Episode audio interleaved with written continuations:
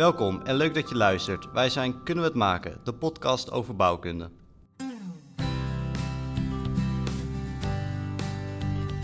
Op dat mobieltje zitten kijken en daar loopt heel die opstelling, drukt zich helemaal in de prak. Maar, maar dus, dus ik ben nooit echt heel actief zelf geweest in, in, in testen.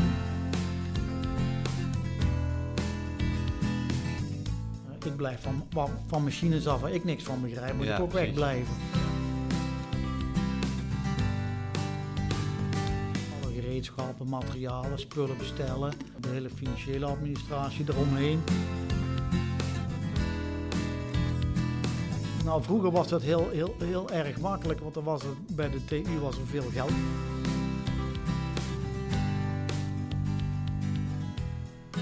Vorige aflevering was met Thijs Huismans over circulair bouwen. We hebben een prachtig gesprek gehad met een echte specialist die zich veel mag bezighouden met duurzaamheid. Ook kregen we een mooi kijkje in zijn loopbaan en wat tot dit enthousiasme heeft geleid en hoe zijn studententijd op deze studie- en studentenvereniging hieraan bij hebben gedragen. Erg inspirerend en interessant. Als je het niet geluisterd hebt, dan is het zeker de moeite waard. Ja, Joey, wat vind jij van die aflevering?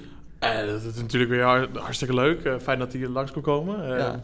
ja, circular bouwen, ja, we hebben het steeds meer over de afgelopen paar jaar. En om echt een professional die daar mee, ja, mee ik kon niet zeggen mee opgegroeid is, maar ja, een van de eerste die ermee begonnen is. Ja.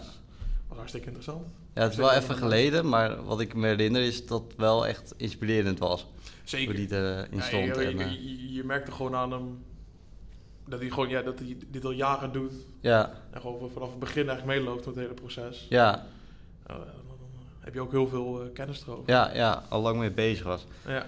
Nou ja, in deze aflevering weer wat anders. In deze aflevering blij- blijven we met ons onderwerp op campus. We gaan het hebben over het SCD Constructief Lab hier op vloer 0 in Vertigo. Als student kom je vroeg of laat in aanmerking met het lab. Aan de ene kant wordt er beton geprint met een megaprinter en aan de andere kant worden betonkano's met beleid gevormd om prijzen mee te Met pakken beleid, op de met beleid, betonkano. Met race. beleid. Met beleid, ja, daar weet jij alles over. maar het gaat nu even niet om jou. en daartussen staan tal van proefopstellingen met beton, staal en hout, eh, verschillende machines en twee robotarmen. We gaan het hier vandaag over hebben met Hans Lamers, het afdelingshoofd van SCD Lab, de man die alles coördineert in het lab. Welkom Hans. Dankjewel. Ja, leuk dat je, dat je hier aan mee wilt doen. Eh, we weten eigenlijk niet zoveel over jou, behalve dat je altijd in het lab bent en eh, daar alles een beetje regelt. Ja. Ehm, maar waar kom je eigenlijk vandaan eh, qua studie en eh, hoe is het zo gelopen? Nou, even een kort verhaal dan. Eh, ik kom uit Eindhoven. Oh. Dus eh, Eindhoven. hier in Tongeren eh, geboren en getogen. Oké. Hier vlakbij. Eh, voor als kind was de TU natuurlijk, of de TH toen de tijd, Technische Hogeschool Eindhoven, iets ongrijpbaars. Oké, En ik weet nog wel dat er in de buurt iemand op de TH zat in die tijd. En er werd in de Mhm. buurt over gesproken van die zoon zit op de TH. Dat was iets heel bijzonders in dan die keek je erop. Ehm, ik eh, ben naar de, Ma naar de lagere school, naar de MAVO eh, gegaan. Daarna de HAVO gevolgd. Toen ben ik hier in Eindhoven naar de HTS werktuigbouwkunde gegaan. Die heb ik afgemaakt. Toen vond ik het stagejaar niet zo erg leuk. En toen had ik besloten van ik ga nog iets meer studeren. En toen ben ik op de THE, toen de tijd nog, eh, de werktuigbouw gaan voortzetten. Oké, geen Dus ik- bouwkunde dus. Nee, ik heb hier- geen bouwkunde gedaan. Ja, je, je hebt je werktuigbouwkunde afgemaakt. Ja, heb ik afgemaakt, ja. Dus ik ben wel IR, werktuigbouwkunde. Oh ja, Eh, daar was ik eh, afgestudeerd in de fundamentele mechanica. Dus ik zat wel in de technische, echte technische hoek. In de koude werktuigbouw, zoals dat heet. Ja, warme en koude werktuigbouw. oh, wat is het verschil? De warme eh, installatietechniek Oké. en, en alles wat met, met andere processen te maken heeft. Maar gewoon mechanica, dat is eh, het koude wil zeggen, net als koud staal, gewoon eh, een toepassing. Ja, Ja, Ja, gewoon in, in de praktijk van een machine. ja precies. Eh, procesindustrie is altijd warm en dat is een eigen tak van sport. ja. Ehm, veel thermodynamica komt er dan eh, Oh ja. bij kijken. Dus eigenlijk een beetje de tak van, eh, nou ja, wat wij ook volgen. De wat nu, dat zit nu meer in de bouwfysica. Ja. Ja, dat Ja. klopt. Ja, dat is BPS. Ja, En daar ben ik afgestudeerd eh, op het onderwerp spuitgieten van kunststoffen. En dan numerieke simulatie als die, als die kunststof ja, na de verwarming in zo'n matrijs loopt. Ja, Tegel- tegel- Tegelijkertijd moet hij dus erin flowen, maar hij koelt af. En zijn stroperigheid, zijn viscositeit neemt toe. En het wordt steeds moeilijker om die matrijs te vullen. ja, En er komen steeds meer eh, fouten in, in, in, in het product, zwakke plekken. En toen was vooral Philips daarmee bezig om dat van tevoren allemaal te kunnen modelleren en met numerieke modellen. Het, in die tijd, dat praat je over 1980, 1985, kwamen allerlei eindige elementenmethoden eh, opzetten om te kunnen, numeriek te kunnen rekenen. ja. eh, aan mechanische dingen, maar ook aan stroming. dat kwam toen echt op, dat, Ja, dat wat we nu allemaal gebruiken. Dat, ja, eh, en toen was daar een, eh, eh, zeg maar een promovendus en die was bezig met dat modelleren. En dan ben ik als afstudeerder, heb ik eh, voor hem eh, de materiaalmodellen van die stroming eh, zeg maar uitgezocht. En die zijn dus ook in het programma ingebouwd. Oké, En En het belangrijkste was dat er een viscoelastische component in zat. Dat kunststoffen, als die warm worden, dan, als je ze uitrekt en je laat los, dan komen ze ook weer terug. Ze hebben een soort van geheugen. oké, Dat merk oké. Dat kun je met kauwgom of stopverf, of er zijn ook kinderspelletjes die dat ook hebben. Dat er een soort in kunststof geheugen zit, eh, dat ze weer terugveren naar de oorspronkelijke toestand. En dan kun je al inbouwen en dan kun je dus ook de inwendige spanningen in het product, kun je dus eh, eh, al van tevoren berekenen waar de moeilijke plekken zitten. En dat was bij het afstuderen van de master. Dat was het bij het Dus afstuderen toen van ben je de eigenlijk master. daar een beetje specialist in geworden. Ja, ik ondersteunde de, de promovendus en die was, Ja. er, was er natuurlijk veel langer mee bezig. En Ja. Die was ook heel sterk gelieerd aan, aan een Philips afdeling. oké. En, en die, eh, ja, die, die begeleidde mij voornamelijk. De hoogleraar heb ik denk ik eh, twee of drie keer gezien, hooguit, eh, in het hele proces. Ja, precies. Die was ja. waarschijnlijk druk met andere dingen. Ja, ja. En toen, eh, toen dat afgerond was, ben je daarmee verder gegaan? Of, Bij toen ik klaar was, toen, eh, toen was ik eigenlijk eventjes, zullen we zeggen, moe. Ik denk eventjes niks of Mhm. weinig. maar eh dat was iemand bij TNO, bij eh, het Kunststof en Rubber Instituut heette dat, van, van TNO. in Delft? In Delft, dat zat in Delft, ja. Op de Schoenmakerstraat. En ehm dat was een meneer en die had een aantal projecten binnengehaald eh, van, van NWO. En die zocht mensen en ja, die had dan via via gehoord dat ik was afgestudeerd in die kunststoffenhoek. Oh, ja. En die was erg geïnteresseerd en die heeft mijn moeder vaak lastiggevallen met aan de telefoon. We hadden toen nog geen Oh, mobieltjes, dus die belde altijd eh, naar huis. Eh, de huistelefoon. Ja, Ja, de huistelefoon. zo? Ik kreeg Nee. mijn moeder weer aan. Ja, zei mijn moeder, het lijkt wel of ik er vaste verkering mee heb met die beste man. en die bleef maar bellen. En eh, ik was eigenlijk toch wel van plan om bij Philips te gaan eh, werken. Vanwege ook dat, dat werk en, en die contacten. dacht ik van. Philips is een mooi bedrijf. Ja, En ze is dik bij huis. Hè, echt Eindhoven. Ze had in Eindhoven wel een gevoel van Philips en een gevoel van DAF. Ja. en eh, ja, in die zin eh, zag ik dat wel zitten. En eh, had ik ook een sollicitatie lopen bij eh, het CFT, heet het, Center voor, Centrum voor Fabricatietechnieken heette Oké. dat. Dat was eigenlijk, ja, je hebt het NatLab, dan, dan zijn de echte bollebozen die dingen bedenken. En het CFT, die moeten dus iets praktisch maken wat uiteindelijk een product kan worden. oké, oké. Die hebben een wat praktischere doelstelling. Ja. En dat is natuurlijk ook bij een beetje en, onderzoek da- en dat, en dat trok mij toen wel. Ja. En dan ben ik ook op sollicitatie geweest en zo. Maar dat, dat werkt in allerlei eh, stapjes en fases en heel veel gesprekken. Dat was in de tijd was dat enorm eh, opgerekt. En toen, eh, ja, toen kwam die man van TNO en toen ben ik daar op gesprek geweest. En toen was het appeltje eitje en eh, kreeg ik contract meteen aangeboden. Ik verdiende eh, in de eerste minuut dat ik ging werken meer als mijn vader. dus toen zei mijn vader ook, en nou ga je daar ook maar werken.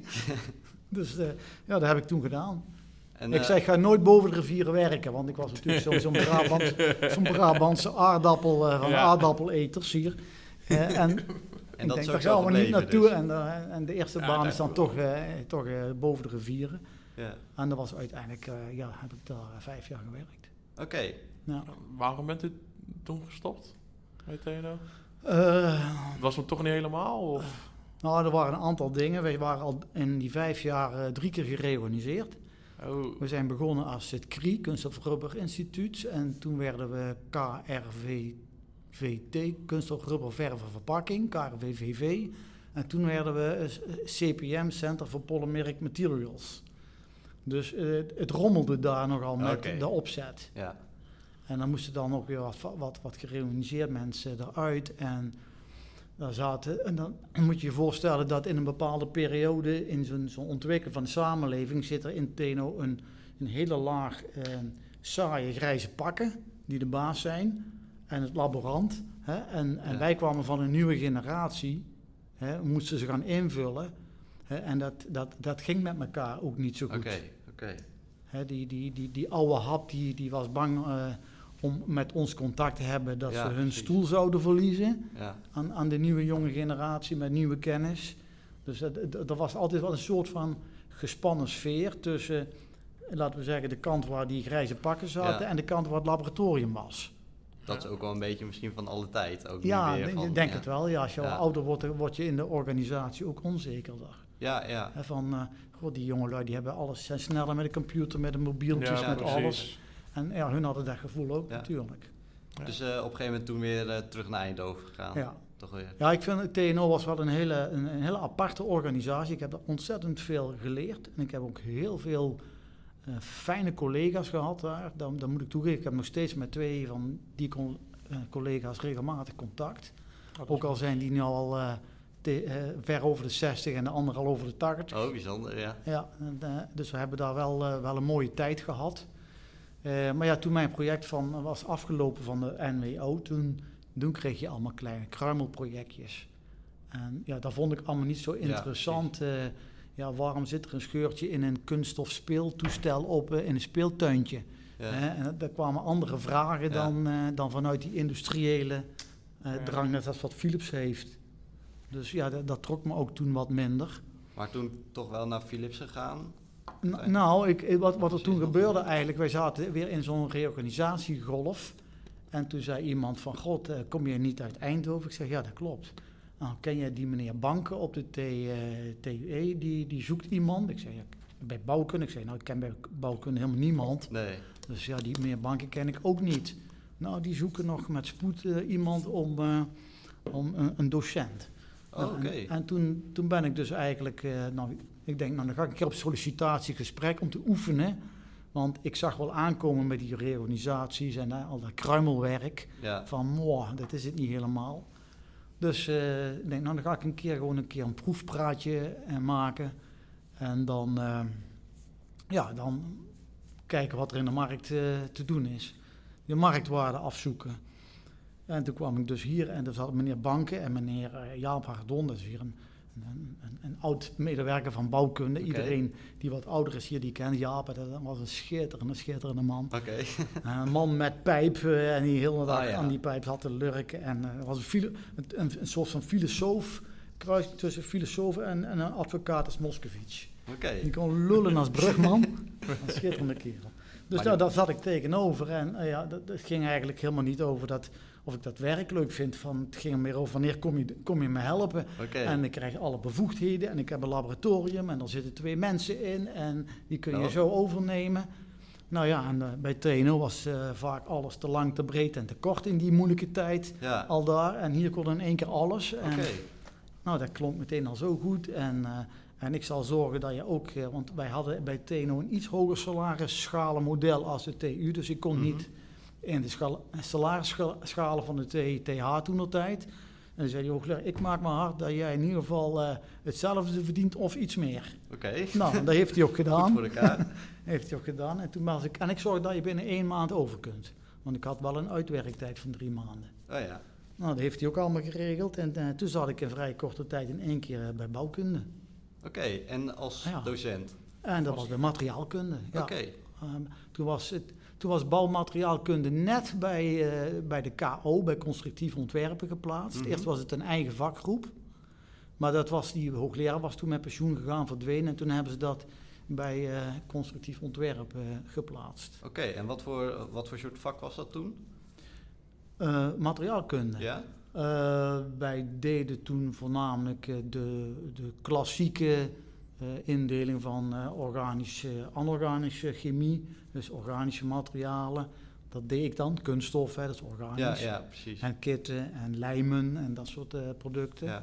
En dan heb je de anorganische, ja, dat is alles met, met steen en beton en kalk en gips en mineralen, minerale achtergrond. En was het toen ook Dus- al dingen in het lab doen? Of, eh, Het lab was toen eh, een beetje meer op chemie gericht. En daar kwam, we hadden toen twee hoogleraren, twee deeltijders eigenlijk. En die ene was van, eh, kwam van scheikunde af, eh, professor Niel. En dat was een scheikundige. En die andere die ik had, die kwam van AXO en die zat in de verf. Oké, En die zat ook in de scheikunde. Het waren nogal eh, scheikundige hoogleraren. Terwijl dat niet zo eigenlijk bij de bouw aansloot. Nee. Nee, dat was inderdaad wat, eh, wat vreemd, maar dat is ook later ook allemaal gauw bijgedraaid. Oké, nou daar gaan we het in ieder geval zo over hebben. Ja, zeker. Alles over het lab.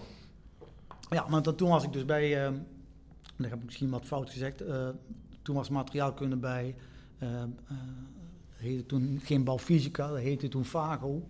Oké, Dat was de vakgroep fysische aspecten van de gebouwde omgeving. oké, Dat was dus de, de, de meest bekende naam in Nederland op het gebied van bouwfysica. oké, En die hebben wij zelf weggegooid voor Building Physics and Services. Oké. Want het moest Engels worden. Maar die naam Vago die is eh, in heel Nederland eh, ja, men- bij mensen bekend in de bouw. Oké. Ja. En eh, u gaf daar dus, eh, of jij, jij gaf daar dus les. En Ja, toen op een gegeven moment ben je op een, een of andere manier toch in het lab beland.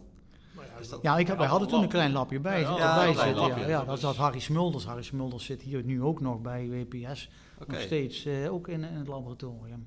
Lab is dan langzamerhand meer ontwikkeld naar wat het nu is. Eh, ja, toen was er dus een klein materiaallabje. eh, en toen was er ook een, het lab van akoestiek was er ook al. Ehm, en eh, op gebied van wind was er niks op dat moment niet. Oké. Ehm, maar Jan Diepens, die werd toen wel naar, die kwam naar, ook naar Vago toe. En die had bij de eh, windmolengroep gezeten, bij natuurkunde. Die had wel verstand van wind. Hm. Eh, en dat is hij eigenlijk toch blijven doen tot, tot recent. Zijn pensioen hè, met de windtunnel. Ja, wij hadden natuurlijk eh, ook ehm, nog niet veel afstudeerders. We hadden, waren niet zo populair bij materiaalkunde. We hadden ook weinig. want Er was net een PhD weg die, eh, die klaar was. Dus toen ik kwam, was er een leegte. Toen was er niks. En eh, ja, wij mochten zelf gaan, gaan initiëren en dingen gaan doen. En dat kwam ook wel, ja, kwam wel los met subsidies. En toen zijn we eerst eh, een, een hechtingsonderzoek van, van coatings zijn we mee bezig geweest. Eh, toen was men ook al bezig met Bert van Schaik, die is ook hier recent met pensioen gegaan. Bert van Schaik die was bezig met life cycle assessment. Dus wat nu ook weer populair is in dat circulair ja. denken. Dat, eh, dat werd toen al gedaan met een methode die ontwikkeld was in Leiden. Ehm, en dan werden hier dus bij verschillende bouwproducten en bouwmaterialen werden ook die, eh, ja, die life cycle, cycle assessments opgesteld. Oké, dus mondjesmaat waren er wat werkzaamheden, maar Ja, maar, maar dat, die LCA-analyse, dat is meer allemaal theorie en ge- getallen verzamelen uit Oké, de ja. markt. Dat is, dat, maar, maar Niel had af en toe wat klusjes. Oh ja, Uh, Niel had ook nog een eigen ingenieursbureautje. Dat was, eh, was eh, hoogleraar hier op twee faculteiten deeltijd en had een bedrijf. oké. Dan kun je nagaan hoe, eh, hoe vaak die man hier was. Niet heel veel. Niet zo heel veel, nee. nee, nee. Dat was wel een heel eh, inspirerende man, maar die had eigenlijk wel iets te veel hooi op zijn vork, zou je kunnen stellen. Ja, dat is ook weer van alle tijden. Je komt altijd van dat Van alle tijden tegen. is dat ook. Ja, ja, maar ja. ook, ook Ja. nu nog Zijn eh, workaholics. Ja. Workaholics, maar, maar je Ja. kunt geen drie heren dienen, dat lukt niet. Nee, nee, nee. dat Dat, dat is een illusie Ja. en daar zijn die mensen dan ook in getrapt. Maar wel interessant hoe dit lab dan zo ontwikkeld is ook. eh, Ja. nou, interessant om daar meer ja, te en dan moet je moet je voorstellen, wij hadden toen dus eh, de 100 kilonewton machine die nu nog in het lab staat. Ja, Dat was eigenlijk dan de machine van materiaalkunde. oké, dat Dat was hoorde dus ding. eigenlijk bij de Bouwfysica Club. En daarom zaten wij ook eh, met, met eh, drie medewerkers. Ik was dan hoofdlab en ik had twee medewerkers, Guus Theus en Harry Oké. eh, Smulders. En wij zaten dan beneden bij, bij de mensen van KO. Hè, de KO'ers, de, de constructeurs. en dat was toen was net Sip Overdijk binnen als hoofdlab. En daar zaten toen eh, ik denk zeven mensen al meteen. eh, en dat, dat lab was al meer ontwikkeld. Dat was al vroeger begonnen. Oké, Veel vroeger begonnen. oké.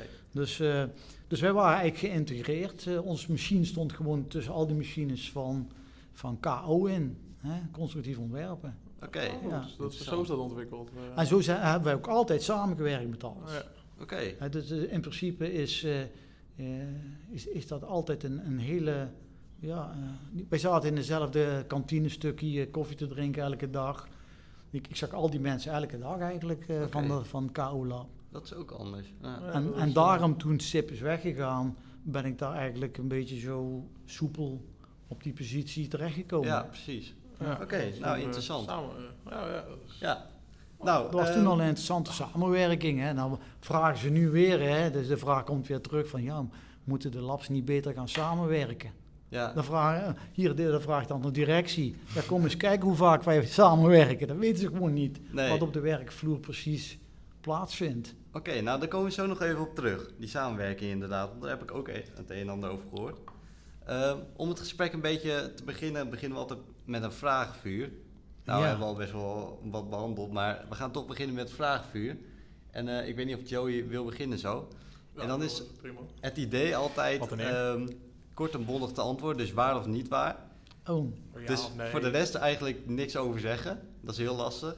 Maar daar Oké. kunnen we straks over, op terugkomen dan. Ja, dus gewoon de vraag horen. het en- is een soort quiz, kan ik ook nog iets winnen? Of is dat... eh, Eh, nou, misschien. een, bier- een biertje, een biertje kan altijd. Heb, heb je dat geregeld, eh, Ruben? nou, oké, je krijgt een biertje van ons. Ja, als winst. Volgende borrel.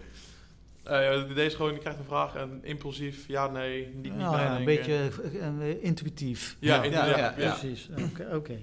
Ja, dan doe ik de eerste. Studenten zouden meer praktisch onderwijs moeten krijgen, bijvoorbeeld in het lab.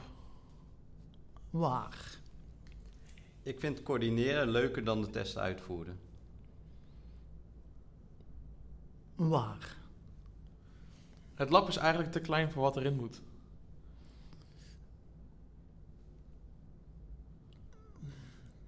Twijfel een beetje, maar waar? Er zijn wel eens onderzoeken waar ik het nut niet van inzie. Waar? Vroeger was alles beter. Niet waar. Toch wel even stilte. Ja. Ik hou soms mijn hart vast wanneer studenten met een machine bezig zijn. Waar? Oké. dit, zijn, Ja. eh, dit zijn goede vragen, Ruben. dit is echt dit is spicy. Is dat zo? Ben je soms wel bang voor de studenten die eh, aan die machine zitten? Toevallig een Ruben Philips die, die Ja. bezig ziet in het lab. Ah, eh, Ruben niet, dat is een genie gewoon. nou, wat het probleem is, ehm, dat je nu heel veel buitenlandse masterstudenten hebt. Ja. En die komen uit een hele andere cultuur en die komen uit een andere omgeving. Die hebben andere kennis. En als je aan die mensen vraagt, eh, begrijp je wat ik zeg? Hè? Of, of iemand maakt een opmerking, zeggen Ja. altijd vriendelijk ja. Ja, Hè? En of ze dan begrepen hebben, dat weet je niet. En of ze het dan gaan doen, dat weet je ook niet. dus dat is het moeilijke van buitenlandse me- eh, mensen. Die zitten Ja. anders in elkaar. ja, Dat komt voor hun cultuur mag je niet eh, zomaar nee zeggen of br- brutaal. Of, dus ze zeggen altijd vriendelijk beleefd, ja. En, en dan gaan ze dingen doen die misschien wel eens eh, eh, gevaarlijk zijn. Ja. ja, ja. En over het algemeen met mensen, net als Nederlandse mensen, kun je goed communiceren. En die snappen wel van eh, Wat je ook of- bedoelt misschien. of, ze- of ze iets kunnen doen of niet kunnen doen. ja. Maar die zijn ook geneigd van, als ik het niet weet, dan vraag ik het en dan ben ik niet meteen automatisch dom. Ja, ja, Maar in die andere cultuur, als je iets vraagt, ben je in principe dom. Dus Ja. dan vraag je me even niks. ja, precies. Dus, en dus- dat levert wel eens, denk ik, wat, wat spanningsveld op. Hmm, Ja, en, en dan het mobiele telefoon. Er zijn dus eh, toch ook wel experimenten geweest waar iemand op dat mobieltje zit te kijken en daar loopt die, heel die opstelling, drukt zich helemaal in de prak. en ze zitten zich gewoon eh, te concentreren op zijn mobiele telefoon. Dus dat, dat dingetje is ook een stoorzender. Oké, ja, dat zie je dus ook wel terug. Ja, dat, dat zit vastgegroeid aan de hand en, en, en dat geeft een pingetje. En dan moet er nog gekeken worden, maar het is daar te doen. Je Ja. moet naar je proef kijken en naar je materiaalgedrag en zie ik iets. En ja, dat zit er dan soms niet in. Is het wel eens fout, of is het wel eens fout gegaan inderdaad? Ja, er zijn dingen wel echt eh, kapot gedrukt ja, in de bank. Ja, Als in de machine zelf? Of Ja, ja, ja, dat is inderdaad eh, van, die, van die rollen waar, de proefstuk op ligt, die dan eh, kapot zijn en krom. En, eh, en meestal kunnen we nog wel enigszins repareren, dus het is niet meteen dramatisch. Maar, eh, En zie je dan een boze? Of... Kijk, bij, 200, bij 250 kilonewton dan gaat die bank zegt hij, ik stop even, want dat is Ja. mijn limiet. Dus eh, ja, dan houden we het op, hè. Zit En, en de bank zelf is eh, op, de- op zo'n 250 kilonewton afge, afgestemd dat alles heel blijft. Dus in zoverre gaat er niet heel veel kapot. Nee, nee. Is Maar het een ja. keertje echt dramatisch kapot gegaan? Mm, ja, we hebben één apparaat is wel eens ooit kapot gegaan, maar er zat ook de ouderdom eh speelde een rol. Eh, zo- Ja. En er zijn ook oude apparaten bij. Dus echt heel, heel fout is het niet zo eh, gegaan. nee. Wel- precies. Ja, ik denk dat de mensen toch enigszins wel het besef hebben dat ze echt met krachten, grote krachten Ja, werken ja. en eh, dat ze voorzichtig moeten zijn. Dat is ook altijd, maar dat is ook het, eh, de, in die bank doe je kleine proefjes en, Ja. en dan is men minder bang. En op het moment dat jij een penant van eh 6 meter hoog gaat testen, hè, dan is het besef van bijna iedereen wel van, goh, als dat omvalt of anderszins, dan eh, moeten Ja. we wel kunnen wegspringen of we moeten afstand houden. En Ja. we gaan het met lint afzetten en we gaan een bordje ophangen Ja, hè, van hier niet betreden of stop. Ja, dan, dan ga je wel wat doen. ja. Ja. En dan kan het ook wel eens ooit fout gaan natuurlijk. ja precies. Nou, Eh, toch mooi om te want- horen dat het niet zo vaak fout gaat dan. Nee, we hebben nog... Ergens eh, wel verbaasd. Ja. Ergens wel verbaasd. En Wij, wij hebben eigenlijk in al die tijd, dan moet je natuurlijk wel voorzichtig zijn, we hebben eigenlijk relatief weinig ongelukken gehad. Oké. Ja, en, en we hebben één keer, één keer, één keer hebben we, ja klopt, klopt. Ik heb één keer eh, inderdaad vier studenten gehad die lagen onder een hele serie platen. Eh, en daar hadden wij niks mee te maken, want dat was eh, van Geops in de zomervakantie. Die gingen daar die, eh, die grote groene bar bouwen die eh, op, die, op dat loopbrugje staat. Oké. Oh, ja. En die waren aan het knutselen en eh, die hadden hele grote platen. En iemand trok zo'n plaat weg. Dat heeft een soort zuigende werking. Hè. Ja. Die platen zitten zo dicht op elkaar. Er zit een heel ja, een, een filmpje lucht tussen. Ja. Maar als je die naar voren trekt, dan komen ze allemaal. En toen waren er nog drie die dachten dat ze die massa konden tegenhouden. En die liep ook naar die plaat toe. En toen lagen ze met z'n vieren eronder. Ja. dat was Zijn even een ongelukje. eh, en het liep allemaal relatief goed af. Zijn het dan Een schrammetje en een beetje pijntje hier, pijntje daar. Een beetje... En, eh, maar ja, het had, had anders gekund op het moment dat je omvalt en je valt achter Ja, zeker. met je nek op zo'n Oh, profiel ja. wat er ergens Ja. staat of ligt. Dan is, Ja, het, eh, dan is het al fout, hè? Dus, ja, het-. Dus in die zin eh, heb je ook wel eens geluk. Zijn het dan studenten met te weinig praktisch inzicht? Nou, die hebben zich helemaal niet gerealiseerd dat er zoiets kan gebeuren. Hè? Dat, Ja. dat, dat is, Weinig ervaring. dat had misschien ook wel een van ons kunnen overkomen van, van de labmedewerkers. Ja. Maar ja, de, het was ook een apart product. Je hebt platen van 1,50 bij 3 meter, die zijn dus tamelijk groot Ja. uit één Ja. stuk. Ja, en, die zijn, en ja, als die gaan, gaan vallen, zo'n pakket, ja, dat is heel wat massa. ja. En eh, ja, Ah, gevaar zit in een klein hoekje. ja. dus eh, we hebben wel eens wat kleine dingetjes gehad. Maar in principe zou je kunnen zeggen dat, eh, dat wij altijd de veiligheid eh, hoog in het vaandel Ja, hebben. ja.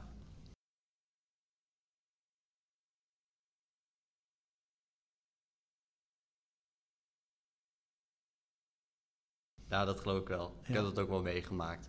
Ja. Je In moet wel weten. Ja, nee, je mag niet zomaar aan de machine zitten of zo. Je Oh moet nee, wel dat zitten. Nou, we begeleiden. Oh, nee. nee. Nee, studenten worden nooit losgelaten zomaar op de machine. Je, begeleidt een aantal testen mee en dan kijk je wa- wat stapgewijs moet gebeuren. En dan schrijven studenten op en die, die komen dan wel vragen van als er iets gek is of ze horen een ander geluid of ze vinden dat er iets niet goed is, dan moeten ze wel zo snel mogelijk Ja, aan de bel trekken ja. En ons eh, verwittigen van god, ik ik denk dat er iets niet goed is. En dat is dan meestal de beste methode.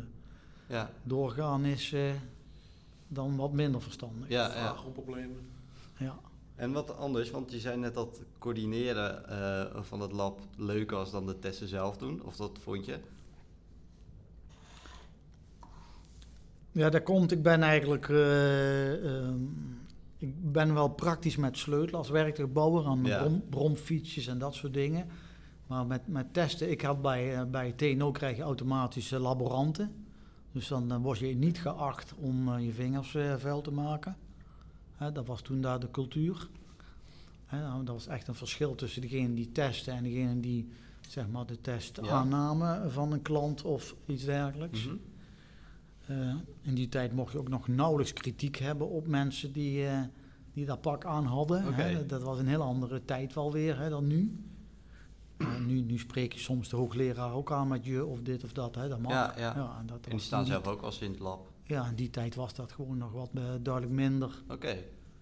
En er waren ook best wel mensen bij die een uh, pak en een stropdas hadden. En die stonden erop dat je u zei en, en meneer en zo. Hè. Dat, Hmm. ja, ja, dat werd echt wel even gezegd van... ja, mag gerust eh, meneer Pietersen zeggen.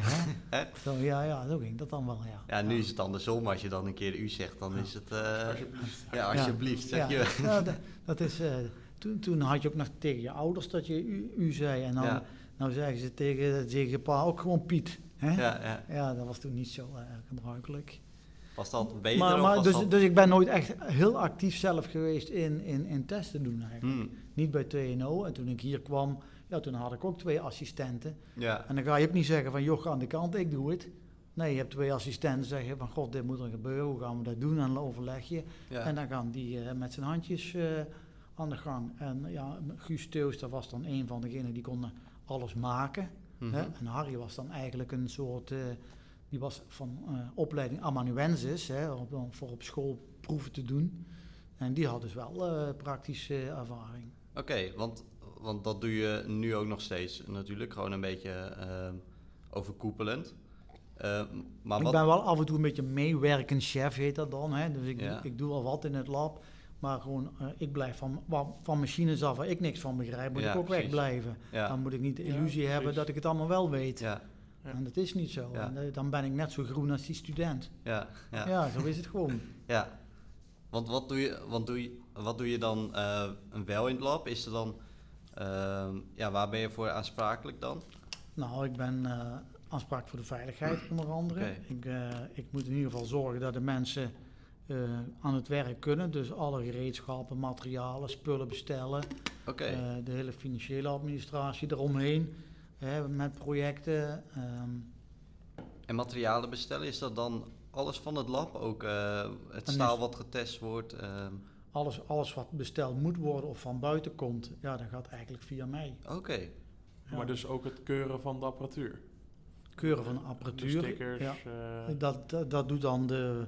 Dan moet je een bedrijf voor inhuren die gecertificeerd is. En ja, die, die, ja. die doen Ja, het dan En dan moet je, dan moet je contact mee leggen en dan krijg je dus ook een offerte van. En, eh, en dan zeg ik van god, we hebben nog twee machines extra. Kunnen we daar nog een scherpe prijs iets bij doen? En, en, zo, ja, en dan komt er een getekende offerte uiteindelijk. Oké, En dan komen die mensen langs en die moet je natuurlijk ook een beetje begeleiden. En inmiddels zijn die eh, mensen, eh, ook al sommigen zijn hier misschien al wel eh, tien keer geweest. Hè. Die, die mensen zitten Mhm. ook heel vast op honk bij het Nederlands Meetinstituut. En eh, ja, die, kennen onze machines Die ook vrij ja, goed. precies. Ja. Eh, En die zeggen, oké, eh, die komen af en toe eens iets vragen, maar over het algemeen eh, ja, zijn die heel vertrouwd met allerlei machines, want die komen ook overal. ja precies, ja. Ja.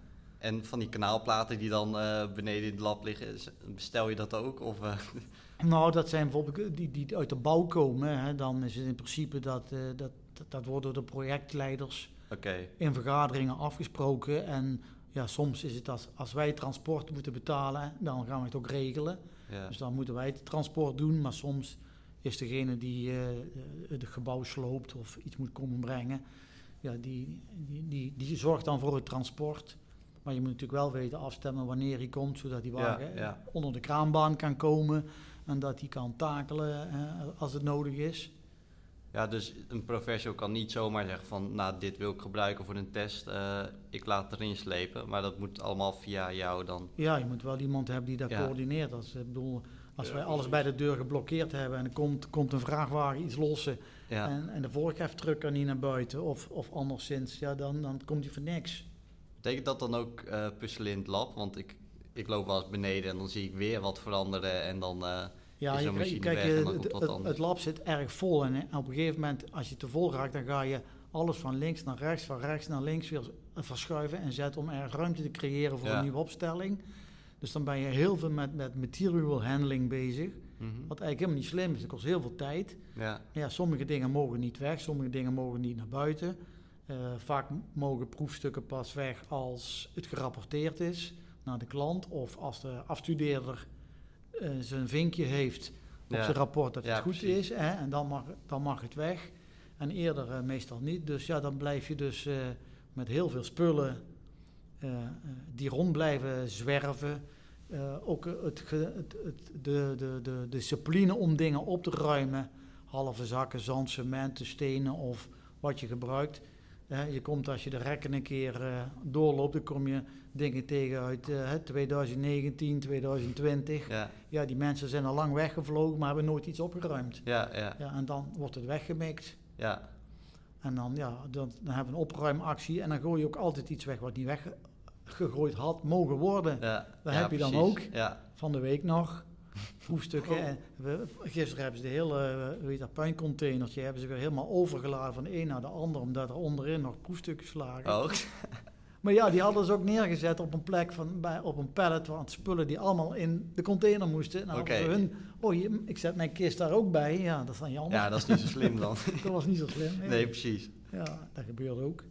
Want, dus wanneer jullie iets weggooien, eh, dan, moet, eh, dan moeten jullie daar toestemming voor hebben? Of hebben jullie gewoon zoiets van... Nou, nou, dan moet er dus een container komen of eh, dat, dat moet geregeld worden. En Ja. v- Vroeger had je dat allemaal, was dat makkelijker, container en mekkereden. Maar tegenwoordig heb je dus overal milieuaspecten bij de afvoer van materialen. En dat wordt steeds ingewikkelder. Oké. Hè, dus de, een zak cement valt ook al onder de chemie. En, eh, Hm. en ja, hoe ga je dat afvoeren? Een beetje los cement. En dat is allemaal wordt steeds moeilijker. En dat is ook jouw pakje aan, toch? De- Ja, ja dan moet je ook proberen te overleggen met, eh, met- Maar ja, we hebben weer dus zo'n nieuwe, zo'n nieuw bedrijf wat hier de afval komt ophalen. Die komen binnen met een grote mond dat ze alles kunnen recyclen. en dan vraag je, hoe, hoe moet ik hier een halve zak cement eh, afvoeren? Dan weten ze het niet.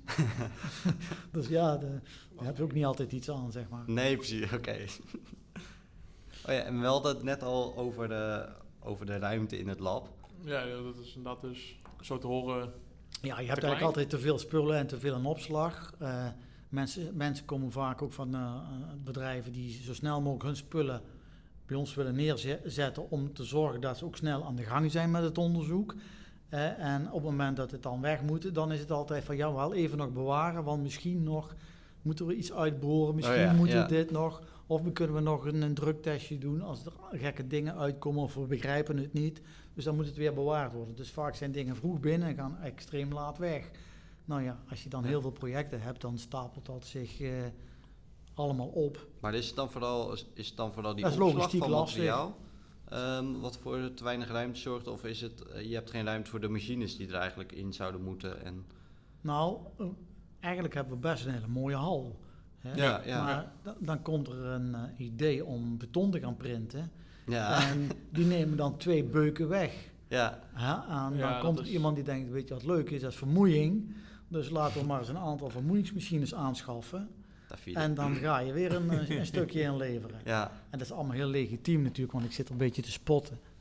Ehm, en elke keer moet het ook zo zijn. Vroeger hadden wij een verzuiling van docenten die paste bij de bouwmarkt. Je had staal, aluminium, beton, stapelbouw, eh, eh, houtwerk. mhm. Dus in principe was de markt precies hetzelfde verdeeld als bij ons hoogleraar. We hadden hoogleraar houtconstructie, staalconstructie, aluminiumconstructie, metalwerkconstructie. En die hadden allemaal heel veel contacten in de markt, die kenden heel die wereld. Dus vroeger eh, ontstond er veel meer symbiose van onze docenten met de markt. oké. En daardoor deden wij ook heel veel constructief onderzoek. Nu komen er allemaal nieuwe docenten. Die zitten meer op fancy eh, onderwerpen die, eh, die, die aansluiten bij maatschappelijke vraagstukken. mhm. Hè, dus eh, circulair bouwen, of we zijn bezig met innovative structural design, met bio-based materials. Ja, Dat zijn allemaal een soort stickertjes en, en, en, en, waar je iets kan opplakken. Hè, die stickers opplakken op een onderwerp. En dan komen mensen die dat dan onderzoek gaan doen. Maar die hebben niet eh, die contacten van één op één met de bouwmarkt. en wat betekent dat? En wij hadden dus vroeger hadden we heel veel constructief werk.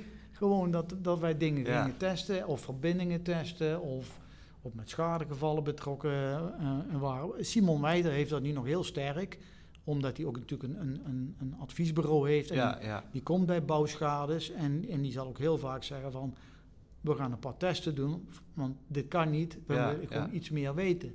Dus, Dus- dus die heeft dat daar heel sterk nog vanuit de markt eh, opdrachten kan binnenhalen. Terwijl we eigenlijk nu in een soort andere, eh, eh, laten we zeggen, structuur zitten... met, met Ja. tr- trendy onderwerpen om subsidiegelden los te krijgen bij de EEG... of bij NWO of Stichting Technische Wetenschappen, STW...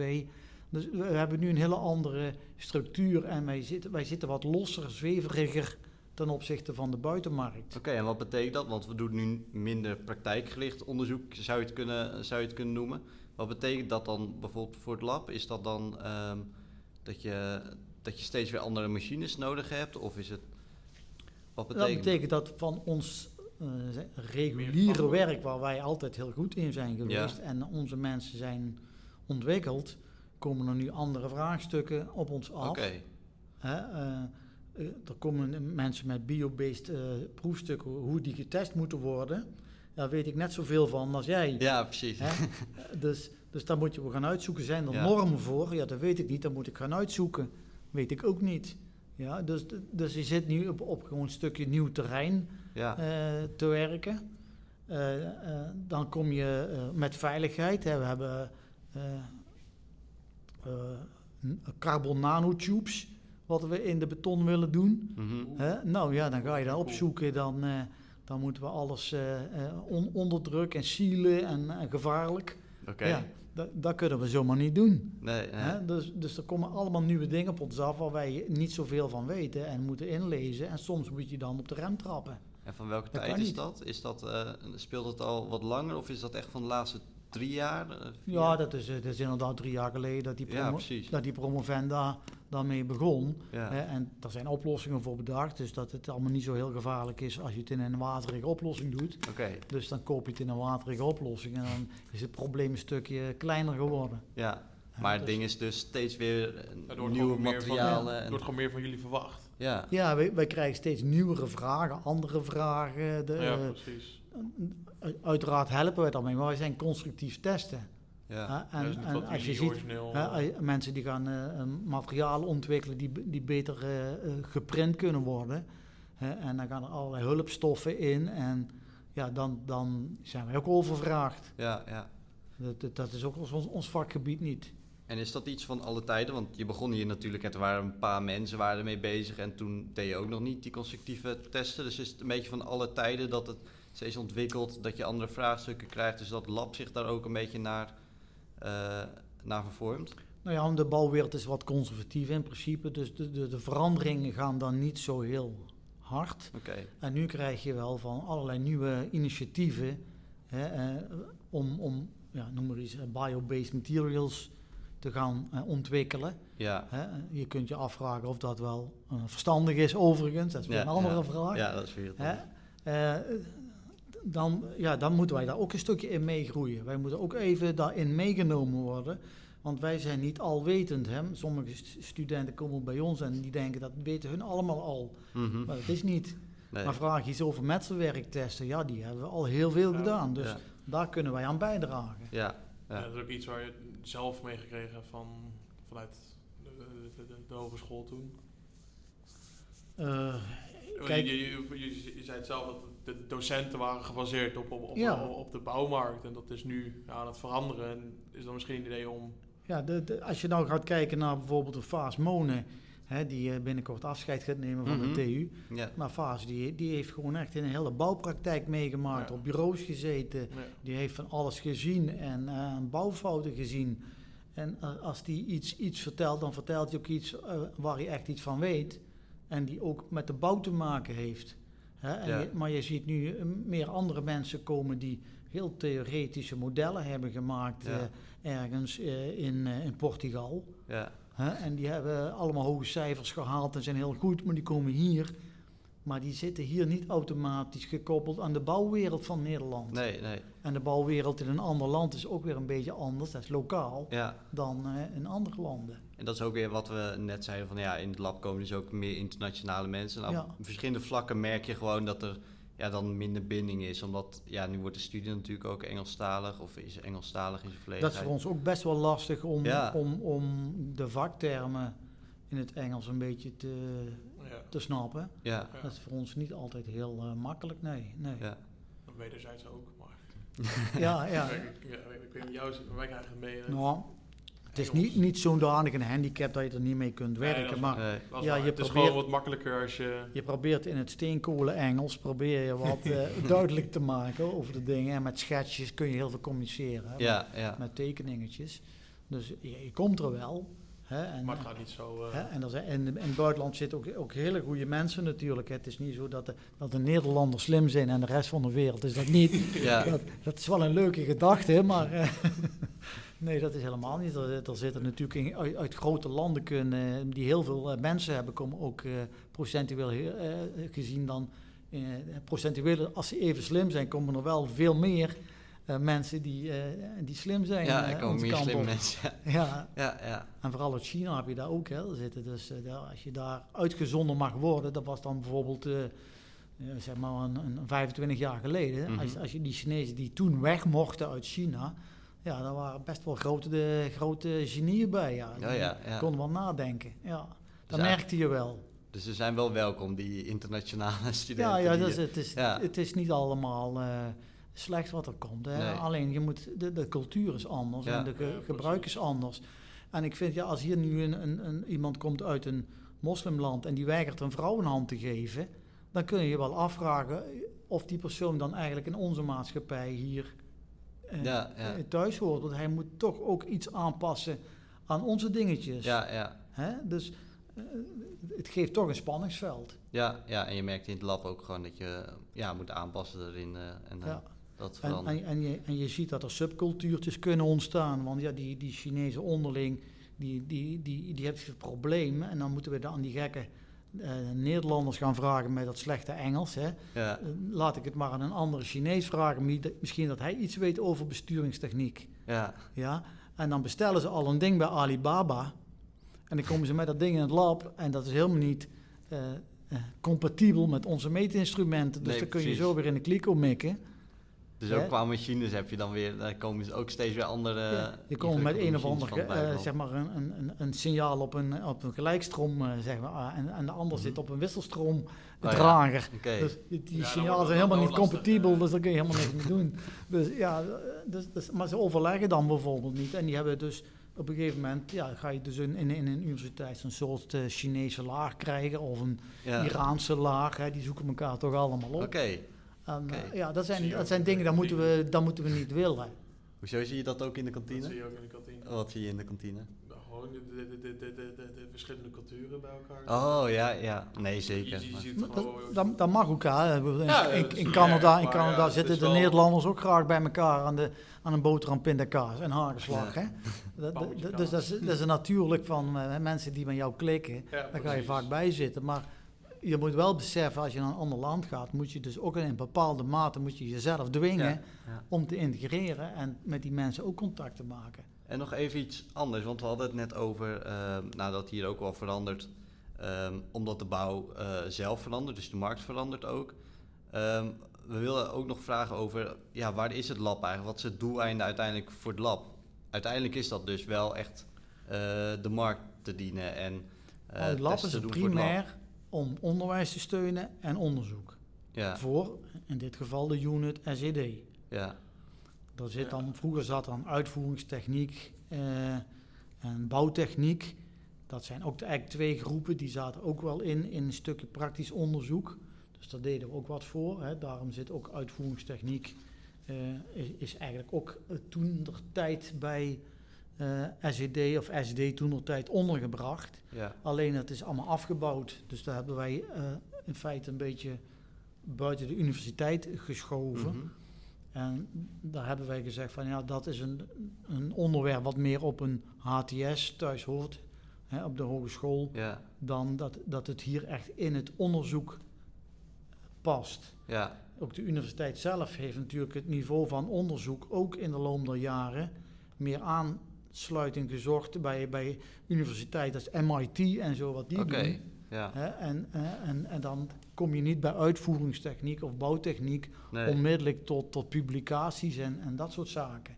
Dus, dus in feite is ook de universiteit aan het professionaliseren en steeds meer eh, abstraheren en verder weg van de, van de harde wereld eh, geraakt. Ja, ja, dus je, je probeert eigenlijk onderwerpen aan te snijden waarmee je ehm, kan promoveren of Ja, Ehm, precies. En publiceren. publiceren. Ja. Ja, Nou, dat gaat dan bij, bij constructief ontwerpen wel goed. En, en nou, uiteindelijk is het natuurlijk wel zo als jij een prachtige eindige elementensommetjes gaat maken en modelletjes en slipmodellen van dit, van vezels in beton. En, en dan moet je aannames maken, maar je zult toch ook een keer in een laboratorium iets moeten testen. Ja, Of jouw aannames kloppen en of het gedrag van het product als geheel, of dat je dat inderdaad kunt voorspellen met al je mooie modellen. En hoe ver ben je er dan vanaf en hoe zou je het kunnen repareren. Dus je Ja. hebt een laboratorium nodig om, om, de, om de werkelijkheid en, en de werkelijke materialen eh, te kijken of het model daar enigszins een, een uitspraak over dat gedrag kan doen. ja, Dus in, in die zin is zo'n laboratorium belangrijk. ja, ja. Jullie, maar jullie proberen dan wel aan te passen aan ja, eigenlijk wat, wat, wat de bouwmarkt dan nu is, want dat transleert zich in wat onder, onderzocht wordt. Ja, je moet uit veiligheid moet je al de zaak valideren. Ja, En als je dat niet doet, dan blijft het heel veel rekenwerk en mooie modellen. ja. En dan komen getallen uit. En kijk, en als jij inderdaad eh, met Simon eh, rijdt met de instorting van die vloeren. Hè, als je Hm, mag aannemen dat de wrijving is 0,4 newton per vierkante millimeter. Dat is mooi, maar dat materiaal weet dat niet. ja. Nee, precies. ja dus het is Dus, ook eh, vooral dingen natuurlijk aantonen. Ja. Maar eh, waar ik een beetje naartoe wil, want er zijn ook bedrijven die hier testen doen, toch? ja, wij doen grofweg een 1 derde tot een kwart. Dat, dat verschilt van, van, van periode tot periode. De, de- doen wij betaald werk. Dus dan moet ook van onze kant offertes worden gemaakt en calculaties. En wij krijgen ook aanvragen voor, eh, voor onderzoek. Oké. Eh, En, en, en, en die, en die lopen er ook verschillende. ja, volgende week komen ze weer eh, houten heipalen eh, brengen die 100 jaar oud zijn in het water hebben Oh, gestaan. Moeten we drukproeven op doen. Oh. Eh, Komen die uit Delft? wij eh? zijn al bezig geweest eh, Ja, uiteindelijk. met een, een nieuw type, type, eh, type steen wat ve- veel milieuvriendelijker is dan, dan het eh, voormalige kalkzandsteen eh, wa- wat we gebruiken. Eh, en, en zo komen er veel bedrijven met, met wat vragen. En soms zijn dit ook normtesten, dat ze gewoon ergens een, een vreemd logo op een rapport moeten hebben om te kunnen aantonen dat er iemand onafhankelijk naar een vraagstuk heeft Ja. gekeken. Hè, als hun het publiceren, ja, dat is eh, de slager die het eigen vlees keurt. Ja, ja. precies. Dus daar moet ook iemand meekijken die neutraal is en, en, die- en, en dan dat opschrijft. Dus jullie hebben daar ook offertes voor. Dus je hebt een Ja. deel van dat. Dat, nou ja, dat is ook een deel van mijn werk. eh offerte Oké. schrijven en een calculatie maken. Ja. En zorgen dat, eh, dat die mensen ook weer achteraf eh, een factuur krijgen en dat het geld binnenkomt. En Ja. eh, dat moet allemaal geverifieerd worden.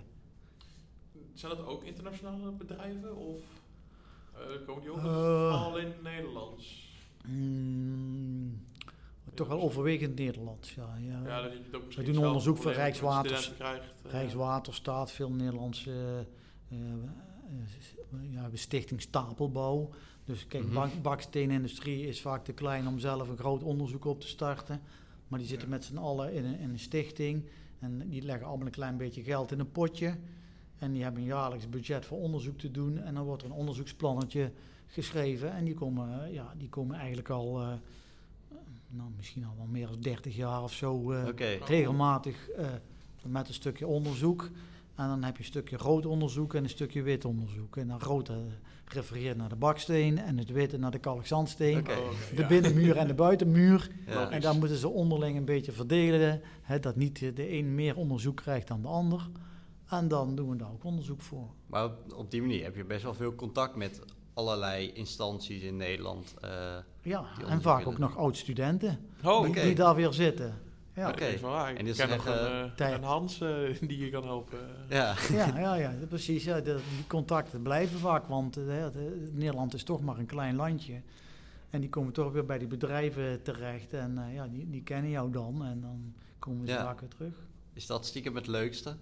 Dat is wel heel leuk. Ja, hoor, dat vind ik wel. Ja, Ja, dan komt Thijs Meijers weer eens een keer. eh, en dan zie ik hem nog als afstudeerstudentje, zie ik hem daar Oh, ja. staan. En dan komt hij, eh, nu als, eh, ja, als opdrachtgever binnen. Oké. En op zich is dat wel leuk, ja. Ja, ja, ja. En die band is dan eh, meestal ook wel heel snel gelegd. En die weten wat wij kunnen en wat, wat de kwaliteit is. En, en, en dan gaat het overleg ook heel strak. Ja, precies. Precies. Ja. Zijn Ja. dat soort- kennen elkaar nog. Maar wij doen ook Ja. gekke dingen voor bedrijven die helemaal buiten onze scope zitten. Er Oh. zijn ook bedrijven die, die zitten in, in, in de magneten en in grote windmolens. eh, eh, en, nou ja, goed. eh, En die komen als je dan- daar reparaties moet doen in die, eh, in die hoge dingen, dat, dat Mhm. moet eh, eh, punt 1 onderhoudsarm zijn. En punt 2 moet het ook veilig zijn. Hè, als ergens een, een, een magneetje losraakt van zijn positie en dan gaat rondzwerven in zo'n gigantische rotor, dan, eh, dan is de schade niet te overzien. Hè? Ja. Dus eh, Dus in, in die zin doen wij ook voor, voor dat soort bedrijven, denken wij ook wel mee. Oké. En dan komen ze naar jullie, naar jullie om... Om, om een mechanische test te doen. Hè. Dus wij oké. hebben dus een, een, een, een, trek of een drukbank. En ja, dan doen wij ook een keer testen op een, op een lijnverbinding van een magneet of, of iets dergelijks. Om te kijken of dat eh, wel blijft eh, vastzitten.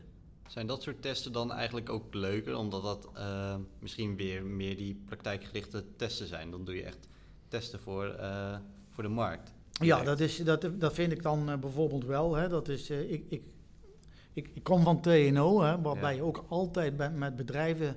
Je, je springt op een, stuk onderzoek, je springt op een rijdende trein... en dan mag je even meedenken en meewerken. En dan word je van, weer van de trein afgegooid.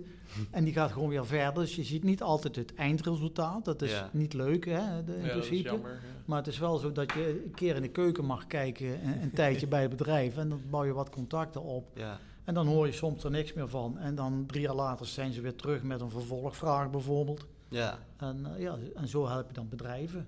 ja. En dat is eigenlijk hartstikke leuk, want ons werk is daardoor heel divers. Hè, we hebben eh, in het lab bijna nooit echt heel saai werk. Oké. Hè? Als, jij net, Dat eh, kan ik geloven. als, je, als jij bij een bedrijf zit en je zit daar eh, bij, bij Weber BMX en je moet daar eh, de, de betonkwaliteit bewaken, dan heb je heel veel kubussen per week om weg te werken. Ja, En die doen alleen maar kubussen en ja, die hebben geen onderzoek aan glas, aan hout, aan andere dingen. ja Dus dat, is gewoon minder, dat is gewoon minder leuk. Ja, Hè? En die kunnen dat ook allemaal heel goed, maar ja, dat is eh, inhoudelijk gezien eh, denk ik toch saaier. ja, ja. En bij ons is het nooit saai. Nee, elke Nee. dag weer wat anders. Zeker niet als je nog zo'n Italiaan binnenhaalt die allemaal gekke dingen wil. ja, dan is het helemaal mooi, hè? Ja, ja, ja. Elke dag lol. Ja, Dat zijn. Maar ja, we hebben ook wel onderzoek gehad. Vroeger hadden wij bamboeonderzoek. En, Oh. eh, en daar hadden wij een specialist op. En die was ook echt goed in zijn Hmm. vak. Maar ja, dan kun je afvragen voor de Nederland BV. Is dat wel zo heel zinvol om onderzoek te doen aan Ja. bamboe? En goed, die had dan wel van, eh, der, hoe heet dat, voor de derde wereld waren budgetten waaruit dit soort dingen werden gefinancierd. Dus het, het geld was eigenlijk meer ontwikkelingshulp. En dan Hmm, deden wij ook in het kader van ontwikkelingshulp gingen wij dus testen doen in bamboeverbindingen, eh, kijken hoe je daarmee kon bouwen. Want in heel veel landen is bamboe een voorhanden eh, bouwmateriaal. Ja, En, en daar hebben wij dus wel iemand gehad die daar heel goed in was. Die was wereldberoemd.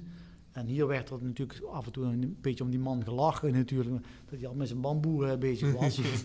maar uiteindelijk eh, heeft hij het altijd wel op wereldniveau eh, was hij bekend. oké. Ja, dus we hebben ook wel eens heel lang een soort vakgebied gehad wat ja, een beetje hobbyisme zou kunnen. Uiteindelijk willen die mensen in die ontwikkelingslanden niet alleen maar bamboe en een golfplaat. Die willen natuurlijk ook een huis zoals wij dat willen. Hè? Ja, ja. Dus- precies. Dus wij, dat is niet hun ultieme doel. Dus, nee, eh, nee. ja. Maar in die zin eh, hebben wij vroeger ook, de- ook nog in, in een periode veel ontwikkelingshulp gedaan. Oké, eh, eh, op gebied van materialen en constructies. weer heel iets anders. En wie, wie bepaalt dat eigenlijk uiteindelijk van eh, dit soort onderzoeken mogen we wel doen en dit mag je wel in het lab gaan doen? Want Nou, vroeger was dat heel, heel, heel erg makkelijk, want er was er, bij de TU was er veel geld. Hè, zeker toen dat gas gevonden werd in Groningen, toen, eh, toen was Nederland rijk en toen kon er, kon er bijna alles. En toen hadden wij ook zelf een eigen budget voor de eerste geldstroomonderzoek. En dat is eigenlijk allemaal weggevallen, dat is er nauwelijks meer.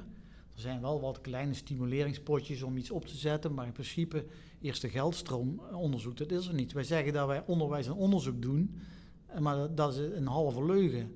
Want wij doen zelf als de TU geen onder- onderzoek. Pas als wij Europees geld binnenhalen of of andere geld van bedrijven of een samenwerking met bedrijven en eh, overheid, dan is er geld en dan gaan wij dus bepalen eh, wat het onderzoek gaat worden. Of hun bepalen wat het onderzoek gaat worden. Dus waar Dat geld bepalen is, wij zelf helemaal niet meer. Nee, precies. Dus het wordt een beetje bepaald van waar het geld ligt, daar. En vroeger in die tijd dat er geld eh, was, liet iedereen elkaar leven. Als er iemand zei, ik ga bamboe doen, dan was het goed. Ging iemand eh, beton iets, iets doen. Hè. Aramidevezels en beton hebben we ook nog een hele tijd gedaan.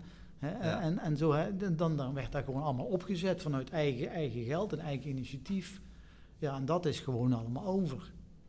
Ja, dus een groot deel daarvan is geld. Is het ook wel eens dat... eh, Het is allemaal wel heel sterk eh, financieel gestuurd. ja, ja, dat klopt. maar is het ook wel eens dat er in het lab dat er een idee is... ehm, en dat blijkt helemaal niet te kunnen? Bijvoorbeeld het te groot of eh, er is geen plek voor. Ja, eh, dat, dat komt voor. Hè. De, kijk, eh, als je gaat kijken naar weg- en waterbouwachtige testen, Ja, Ja. dan kom je bij het Simon Stevin Lab uit, die nog een beetje eh, grovere schaal producten en, en diensten kunnen leveren dan, dan dat wij eh, leveren. Waar is dat? Dat is van de TU Delft. Oh, oké. Ja. Ja, dat is een stuk groter. Het Simon Stevin Lab. Ja, En wij waren vroeger het Pieter van Mu- Mussenbroek Laboratorium, zo heten Mhm. wij vroeger. Maar ja, daar googelt niemand op. dus daar hebben we dan nu maar even losgelaten. Maar Pieter van Mu- Mussenbroek was ook een tijdgenoot van Simon Stevin. oké. En dat is een van de eerste mensen die, eh, die probeerde materiaaleigenschappen vast te leggen aan de hand van een test. Oké. Zoals een, een stijfheid of een vering, doorvering, doorbuiging. Daar zochten ze relaties in. Als de kracht twee keer zo groot wordt, wordt ook de doorbuiging dan twee keer zo groot. Of als ik de afstand vergroot, wat gebeurt er dan? Nou, en die, die dachten in die manier eh, ook, ook echt eh, eh, constructief. En er zijn toen apparaten voor ontwikkeld. En hoeveel iemand- geleden is dat? Dat, die, eh, dat ze dat, dat een is beetje... op- 17e eeuw ongeveer, denk Oh, ik. oké, dat is ergens, wel hè. een poos geleden, Ja, ja. dat is heel lang geleden. Hè? Ja, ja. Dat is niet jouw tijd. Nee, nee, Simon Steven ook niet. Hè? Nee, nee. Nee, dat was eigenlijk een, meer een, een, een ingenieur die dus ook meer verdedigingswerken deed eh, eh, opzetten ook. Hè? Dat is, daar komt de civiele techniek vandaan. Oké. Ja. Dus hele grote dingen is voor ons wel eens moe- moeilijk. Zeg maar booreilandachtige testen. Ja, ja. eh, dat kunnen wij gewoon niet. Nee, maar ja, daar en dan moet je dan ook niet weer... altijd willen. Bedoel, Nee, als, precies. Ja. als ze dat in Delft beter kunnen doen, heeft iedereen zijn eigen, ja, precies. eigen stukje. Ja. Een beetje Ja. verdelen eh, dat, dat werk. Ja, maar wij doen wel steeds meer op gebied van vermoeiing van brugdekken. Dus wij, wij, in de staal aluminium zitten we ook wel wat in de civiele techniek. Ja. En wij willen ook wel die kant wat meer opgaan eh, in de toekomst. Het is wel een, een dingetje, ja. Ja, want daar wilden we eigenlijk net naartoe gaan. Een beetje de toekomst van, van het lab. Wat, stel, ehm, je zou een nieuw lab krijgen, een nieuwe ruimte. Wat zou je daarin veranderen ten opzichte van het lab nu? Zou dat groter zijn? Zou dat Meer een andere ruimte. indeling hebben? Ja. ja. Dat noemen ze dan de groene weide-theorie. Hè? Dat, Ja. eh, Mhm. Stel dat je op nul mag eh, beginnen hè, met eh, een groene wei en je mag iets gaan doen. Ja. eh, da- dan moet je eens goed nadenken wat je, wat je allemaal zou willen. ja. Maar daar zitten wij als universiteit met een groot probleem, want wij zijn zo afhankelijk van toekennen van subsidies. Hè, hoogleraar schrijven voorstellen. Nou, die voorstellen worden soms goedgekeurd, soms worden ze niet goedgekeurd. Dan moeten ze weer terug huiswerk gaan maken of een ander voorstel bedenken om, om geld binnen te halen. En ja. dus, dus eh, wil je een, een, een mooie opbouw van onderzoek hebben, dan is het eerste stap, het begin om eerste keer onderzoek binnen te halen en geld om specialist te worden. En als je Mhm. eenmaal wat specialist bent, dan kun je daarna weer makkelijker wat geld eh, eh, en voorstellen schrijven, omdat ze je ser- serieus nemen. ja. Maar om, om ergens überhaupt nog te beginnen aan een soort onderzoekstak is gewoon heel erg moeilijk. Oké. En stel dat je in één keer iets, iets binnenhaalt, een onderwerp. Ja, hè, noem, eh, ja, ik zal maar zeggen, iets, iets op gebied van, van brugonderhoud. Of het, en, en, en dan gaan we dus meer op een onderhoudsachtige eh, testen doen. En, en verouderingstesten eh, mo- moet je gaan inzetten. Ja. En dan moet je een, een versnelde carbonatatie van beton gaan realiseren. Dus, dus, dus allerlei dingen die je dan moet gaan doen. Dan kun je eigenlijk al niet meer voorspellen of je, wat, wat voor project krijg je in godsnaam. Ja, precies. Dus je moet breed zijn en heel Ja. veel kunnen. Algemeen moet je heel breed zijn. En zoveel mogelijk een groot krachtbereik, een groot verplaatsingsbereik Mhm. eh, eh, kunnen verwerken. En dan maar kijken wat er op je afkomt. En is het ook niet zo ehm, dat je op een, op een bepaalde manier eh, capaciteit hebt om tests te doen en dat je dan geld binnenharkt omdat je een bepaalde machine hebt aangeschaft en daarmee testen kunt gaan doen. Dus dat zeg maar de andere kant ook weer opwerkt. Ja, dan krijg je een beetje dat kip-ei verhaal, waar Ja. begin je? Hè? Ja. En, en Ja, ja, daar, zijn dan, daar zijn dan die interne subsidies nog voor, hè, wat dan meer een beetje eerste geldstroom geld is om, om te initiëren, een stukje onderzoek. En daarna daarmee weer in de markt wat eh, onderzoek los te krijgen eh, vanuit ja, samenwerking in de EEG of bedrijven of wat dan ook. En wat zijn dan dingen waarvan jij denkt van, nou dat, dat zouden we er op zich wel bij kunnen hebben en dan ehm, kunnen we al een heleboel meer onderzoek doen eh, naar bepaalde dingen? Ja, Of heb je niet echt zo'n ja, ding? Of, of iets wat je heel graag zou willen testen. Of, eh, Ja, dat is eh, een moeilijke vraag. Hè. Wij, Robotarmen, wij, wij, wij eh, zitten bij, wij zitten bij URE, hè, de 2020. University Racing Team. Die komen met, met carbonproducten aan en, Ja, en mooie, mo- ja, heel licht en, en sterke materialen. Eh, en dat is natuurlijk allemaal veel te duur voor de bouw. Hè. Ja. dat heeft niet meteen bij ons een toekomst. Maar voor lichte auto's en racewagens en, dat soort dingen. Zon, zonneauto's. Er zijn daar leuke onderwerpen. En ja, dan trekken wij ook een keer aan zo'n zo'n zo'n stuurstang van carbon. En ja, dat zijn wel leuke dingetjes om, ja, ja. om eh, mee te doen, zeg maar. Ja, dus, maar in principe, ja, de, ja de, de, de markt bepaalt heel vaak of je een beetje naar links of naar rechts moet of wat, wat we gaan doen. ja. Hè, en, en probeert overal op, op in te springen dan om gewoon ja, toch ook als universiteit eh, ja, aan, aan, eh, aan de bak te, te blijven. ja, ja. Dus het is een andere tijd voor onderzoek. ja. En het is allemaal sterk ma- maatschappelijk. eh, eh, de energietransitie hè, is zo'n toverwoord. eh, eh, circulair, eh, innovatief, ja. Groen. Hè, eh, en groen. Hè, en er zijn heel veel allemaal labeltjes. Hè, en, en kijk, en ik zit hier nu eh, alles bij elkaar een, een 33 jaar op de, op de TU Eindhoven ja. exclusief mijn studietijd. Eh, maar eh, je, je ziet dingen van vroeger zie je terugkomen. Oké. Hè, We, we hebben vroeger een professor Schmid gehad en die, die, die had eh, eh, ook leem, stukken leembouwen in zijn portefeuille zitten, eh, wat ook een soort circulair bouwen is. We hebben een hele stroming gehad in, eh, in, de, in de 90 jaar IFD bouwen, industrieel flexibel en demontabel bouwen. Hè, en al die aspecten daarin, die zie je nu weer in allerlei andere projecten weer terugkomen. Ja. Dus dit is heel vaak eh, een beetje eh, oude wijn in nieuwe zakken, zou je kunnen Ja, ja. zeggen. Dus als je maar lang genoeg in het onderzoek ziet, dan zie je dat de innovatie, ehm, eh, eh, innovatie soms wat meer in de verpakkingssfeer zit dan dat het werkelijk de kern van het onderwerp is. ja. En, Dus vaak is iets niet nieuw, maar het is gewoon weer opnieuw opgepakt omdat het er wordt was. opgepoetst en, en weer in een Andere blik. context van de Ja. wereld wordt het weer, weer, weer neergezet. En dat heeft natuurlijk wel invloed op, de, op wat je gaat doen. Maar echt, eh, laten we zeggen, 100% nieuwe dingen, dat zijn het vaak niet. Nee, nee, precies. Nee. Dat is wel grappig als je dan eh, een jaar of dertig mee, eh, meeloopt zo in het lab, dan, dan zie je dat misschien wel. Dan zie je weer dingen gewoon terugkomen die vroeger ook al aan bod zijn geweest. Net als de, nou hebben we een Recreate project. Nou, we hebben, eh, er, er is eh, al lang een project geweest eh, waarbij het eh, hoofdkantoor van de NAM, hè, de Nederlandse Mhm. aardoliemaatschappij, daar hebben ze toen de tijd gebouwd in Zwolle. En daar hebben ze ge- gezegd, dat doen we tien jaar. Over tien jaar gaan we het afbreken. En dan moet het ook af te breken zijn. En dan gaat het helemaal naar Den Haag. En dan bouwen we dat in Den Haag op. En dat hebben ze ook gedaan. dat is al, hè, dat Zo'n project is al, afgerond. Hè, en toen hebben ze een kostenplaatje gemaakt wat het kost, eh, zo'n zo'n exercitie. En nou is het natuurlijk de eerste keer, kun je dat nooit met winst doen. Maar ja, daar waren ze wel van geschrokken dat het toch een hele dure operatie is geweest uiteindelijk. Ja, precies. Hè? Maar, maar dat soort dingen, die ideeën, die, die zijn er al geweest. En ook ja. tot uitvoering gebracht. Tot op, tot op compleet niveau van een gebouw. ja. Hè, dus Maar- de- het is niet zo dat, dat, dat wij nu hele nieuwe dingen doen. Eh, nee, dat is Maar betonprinten dan wel weer. En we hebben Daarom natuurlijk een onderzoeker, hè, dat is, als een onderzoeker alleen maar twee of drie jaar terugkijkt in de tijd, hè, dan vindt hij in zijn onderwerp wel heel veel, maar hij moet eens een keer twintig jaar terugkijken. en dan vindt hij de echte dingen. Oké, Ja, je moet, de cyclus is langer dan twee of drie jaar. dus als je dan een, echt een generatie teruggaat, dan is er al zoveel dingen zijn al lang gebeurd of bekeken. ja, ja. Hè? Maar soms hebben wij nu veel mooiere sensoren of wij hebben veel betere technieken, eh, dat we optisch kunnen kijken of met, met infrarood. En eh we hebben misschien MRI en Ja. andere dingen dat we naar binnen Dan in een materiaal kunnen kijken. Ja, Hè, dus dan kunnen we zo'n onderwerp wel gerust weer oppakken. Ja. Dat is niet altijd fout.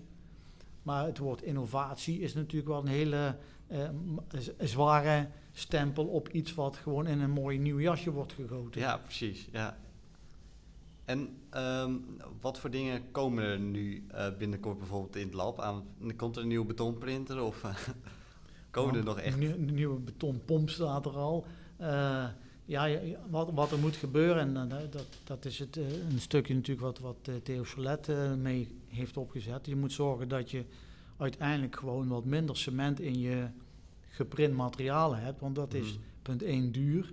Hè, heeft een vervelende CO2-print. Hè, Ja. dan, eh, cement is een Ja, ja. CO2-vervuiler.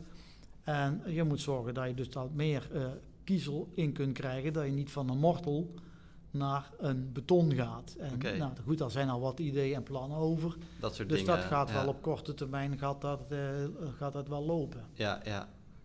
Maar nog niet nieuw idee. en dan ben je ook een stukje van de krimpproblemen, hè, want de Milestone huisje heeft wat problemen ook met, met, met dat cement en de krimp en wat scheurvorming. Ja, dat, dat kun je dan allemaal wat eh, meer beheersbaar houden. Ja, dus meer ontwikkelingen van een specifieke Er is nogal wat in, in, in, in Ja, het ontwikkelen in dat printen, dat denk ik wel. Ja. Is, eh, en dat zit hem heel vaak dus in, in het proces en de mortel.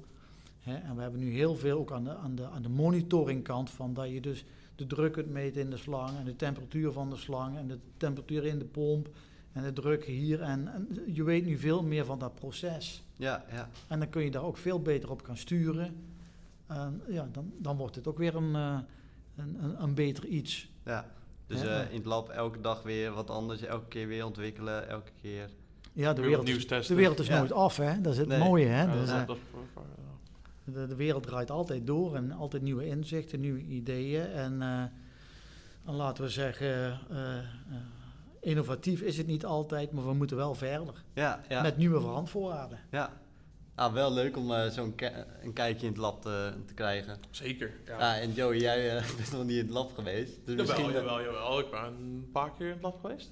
Oh, jij moet natuurlijk betonkano's... eh Je hebt betonkano's ook voor, eh, voor, voor koers, maar eh, ook voor eh, die, die, dezelfde Italiaanse man eh, die, Davide. ja, die had, eh, die had voor, voor een vak vorig jaar moest ook in het lab. Oh ja, oh. Dus niet de eerste keer, maar En ik ben ook erelid van Koers en, eh, en eh, dat is niet, daar ben ik ook wel trots op. Dat, Ja, dat dat zou ben. het ook zijn. Ja. Maar dat komt ook omdat ik ook altijd het nut van koers gezien heb als, als studentenvereniging om buiten de studie om met elkaar ook te discussiëren over Ja. constructies en over dingen en over materialen, over de samenleving. Hè, hoe moet het in de toekomst? En komt er hoogbouwinhoud en is dat haalbaar? En wat vind jij ervan? Hè, Dus koers- kortom, eh, dat netwerk behouden. En, ja, eh, is en, en, en ook een soort kritische, eh, een kritische laten we zeggen, de mogelijkheid voor studenten om collectief een keer tegen een docent te zeggen van, god ja, dat, dat vak, die sheets die zijn pas 30 jaar oud, Kun, kunnen we niet wat modernere vo- ja. voorbeeldjes in, in het college krijgen? Hè, dus, dus als koers heb je heel veel, met elkaar best wel heel veel mogelijkheden om, om je vak te verrijken en, en, en je opleiding beter te maken. Ah ja, ja. Ja. Ja, want we sluiten, we moeten een beetje af, afronden, maar Ja, ja. we sluiten dan altijd ook af met de vraag van, nou, wat zou, zou je een student willen meegeven? Is dat dan wat je zou willen meegeven? Proberen kritisch te zijn, proberen. Ik, ik denk dat eh, eh, wat ik mee wil geven is dat de, de studenten niet goed beseffen hoe belangrijk hun studietijd in de master is. Hm. En hoe goed ze, eh, laat, ehm, hoe moet ik het zeggen, dat ze moeten gaan investeren in, in, in, in, in koers en hun collega's. Want dan blijven in de toekomst hun, ook, hun collega's. ja. En zorg dat je elkaar eh, een keer in een reunie blijft zien. Ik heb van werktuigbouw nog steeds een man of twintig. Wij komen elk jaar nog steeds één keer bij elkaar. Hè, meestal in september. En we slaan allemaal altijd wel een keer over natuurlijk, omdat er iets anders is. Ja, Maar dat is heel leuk om al die ervaringen te blijven delen waar die mensen blijven, wat ze gedaan hebben en wat voor ervaring en hoe die zijn gevaren. ja, die connecties maken. En Die connecties houden. Hier, bouw je eigenlijk je, Ja, je infrastructuur voor, voor, je, voor, je, voor je baan en beroep, verder beroep op. ja, ja. Oké, heel interessant. Nou, Ja. mooie tip, ja. zeker.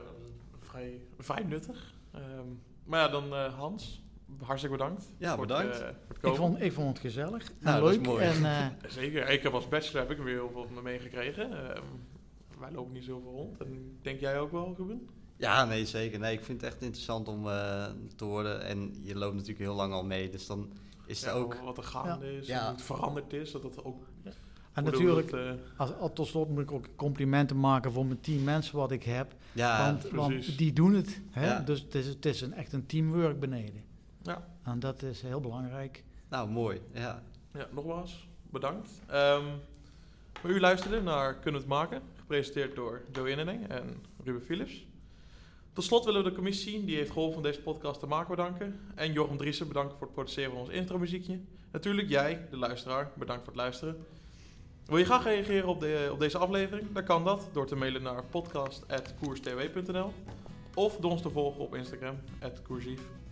Geef ons nu ook sterren op eh, Spotify, waardoor onze podcast beter gevonden kan worden. En over maand zijn we terug met een, eh, onze volgende aflevering. En voor nu bedankt. Tot ziens.